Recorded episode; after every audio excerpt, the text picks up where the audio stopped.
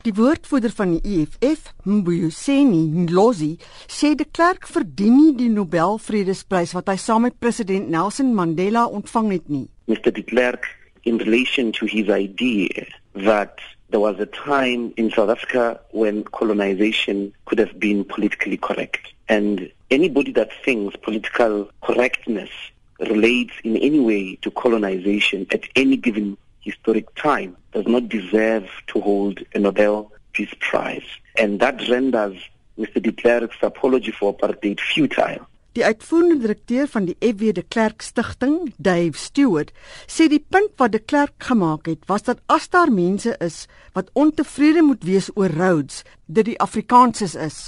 Rhodes wat die argitek was van die Tweede Vryheidsoorlog wat 'n geweldige negatiewe inslag op Afrikaners gehad het. Wat hy het gesê dat des nie teenstaande het die nasionale party regering niks gedoen om Rhodes se aandeel aan die geskiedenis van Suid-Afrika te probeer uitwis nie. Ndlosi sê die feit dat die eertydse wit Afrikaners 'n vyand van Rhodes was en steeds dink dat sy standbeelde moet staan, het nie betrekking tot die gesprek nie. The discussion at hand is whether there must be a public statue celebrating Cecil John Rhodes or not.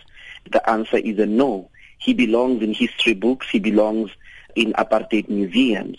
We must celebrate only the people whose values, whose contribution in history we want to promote in the public. And therefore, we reject absolutely all apartheid symbolisms and statues. They must fall both in South Africa, Africa, and in particular in European countries. Stewart sê die EFF het geen kwalifikasie om hulle uit te spreek oor die Nobelprys nie. Daarbenewens sê hy, ontken die party die uniekheid van hoe die nuwe Suid-Afrika tot stand gekom het. Dit het nie bestaan in die tydperk waar Suid-Afrikaners mekaar gevind het in 'n baie groot geskiedkundige proses waar ons in 'n gees van versoening 'n nuwe grondwet beding het. Dit was een van die toppunte van die Suid-Afrikaanse geskiedenis. Maar ongelukkig stel die EFF glad nie in versoening nie. Hulle wil hulle kiesers kort uitbrei deur dit geskiedenis aan te val. En hulle is 'n baie verdelende faktor in ons politiek en 'n baie gevaarlike faktor ook.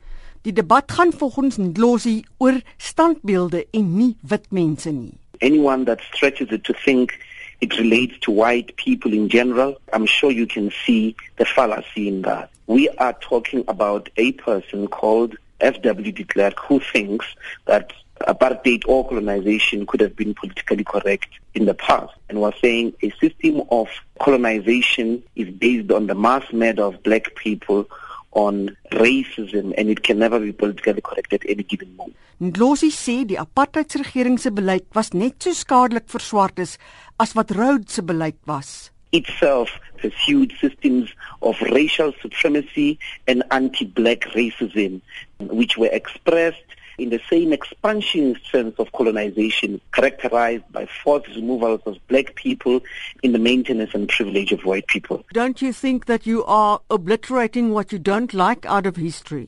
No, if I'm saying it must be in an apartheid museum, that's not an obliteration.